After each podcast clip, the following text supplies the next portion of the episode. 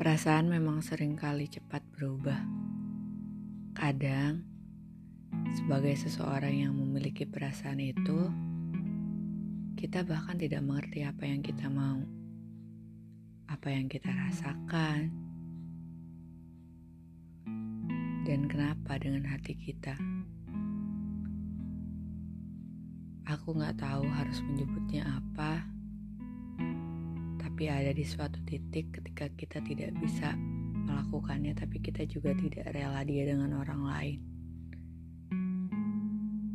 Ya kalau sama kita gak mungkin. Tapi kalau lihat dia sama orang lain tuh rasanya kayak belum ikhlas aja gitu. Entah ini keegoisan yang masih ada justru karena terlalu lama kesepian. Dan merasa dia memang cuma bisa kayak gitu sama kamu gitu. Padahal nyatanya yang enggak. Dia bukan punya kamu.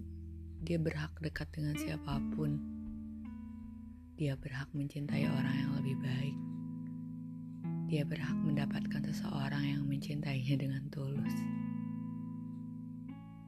Tapi untuk sampai di titik ikhlas memang tidak mudah. Ya, ini memang egois. Aku akuin.